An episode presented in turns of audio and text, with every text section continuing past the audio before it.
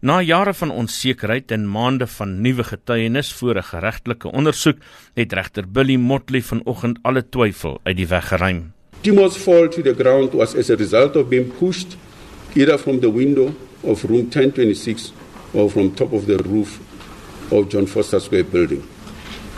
11. Consequently, Timo did not meet his death because he committed suicide. Timo died as a result of having being pushed to fall, an act which was committed by members of the security branch. Die ondersoek na Timol se dood is heropen na die familie nuwe getuienis gevind het dat hy in polisieaanhouding dood is in 1971. In 'n opsomming van sy uitspraak het regter Billy Motley die uitspraak van die 1971 ondersoek as ongeldig verklaar. The evidence presented in the 2017 reopened inquest is thus in direct response and challenge to the conclusions and findings of the magistrate in the 1972 inquest. Timol was een van 73 aktiviste wat tussen 1963 en 1990 in polisieaanhouding dood is. Volgens Motley was dit vir die hof belangrik om eerder te vra wat daartoe gelei het dat Timol vanaf die 10de vloer van die destydse John Foster plein gespring het, eerder as om te vra wat die oorsaak van sy dood is. The nub of this case is what really caused Timor to fall to his death. This is really the question.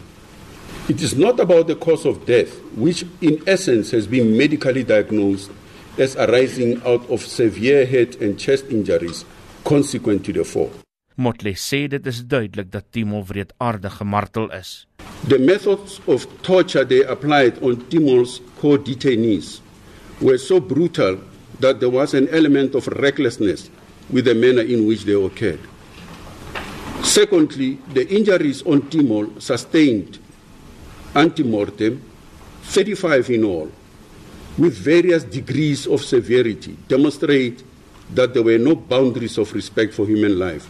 In 'n verwysing na die dolus eventialis beginsel wat in die Oscar Pistorius saak voorgekom het, het Motley beslis dat Timor vermoor is. It is thus probable on the evidence that the security branch foresaw that their methods of interrogation carries the risk of death occurring, but nevertheless persisted unrestrained with the torture, appreciating that death might well occur. 'n Sleutelgetuie in die saak is die voormalige veiligheidspolisieman Jan Rodriguez. Hy is die laaste mens wat Timo lewend gesien het. Volgens sy getuienis het hy Timo na die toilet vergesel waarna Timo glo uit die gebou gespring het. Rodriguez het getuig dat Timo geen beserings gehad het voor die tyd nie.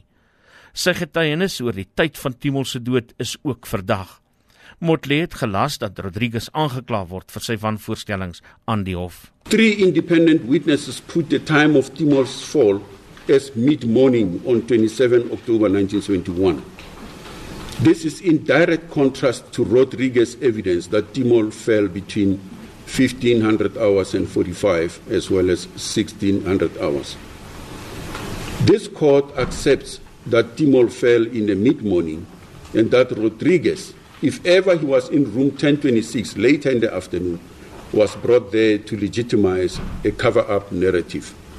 The substandard and sloppy manner in which the investigation of Timor's death was conducted by Bays and his team supports the view that there was a clear intent to cover up the incident through a fabricated version of suicide. Dit was regter Billy Motley in die Hooggeregshof in Pretoria. Ek is Isak Du Plessis vir SAK nuus.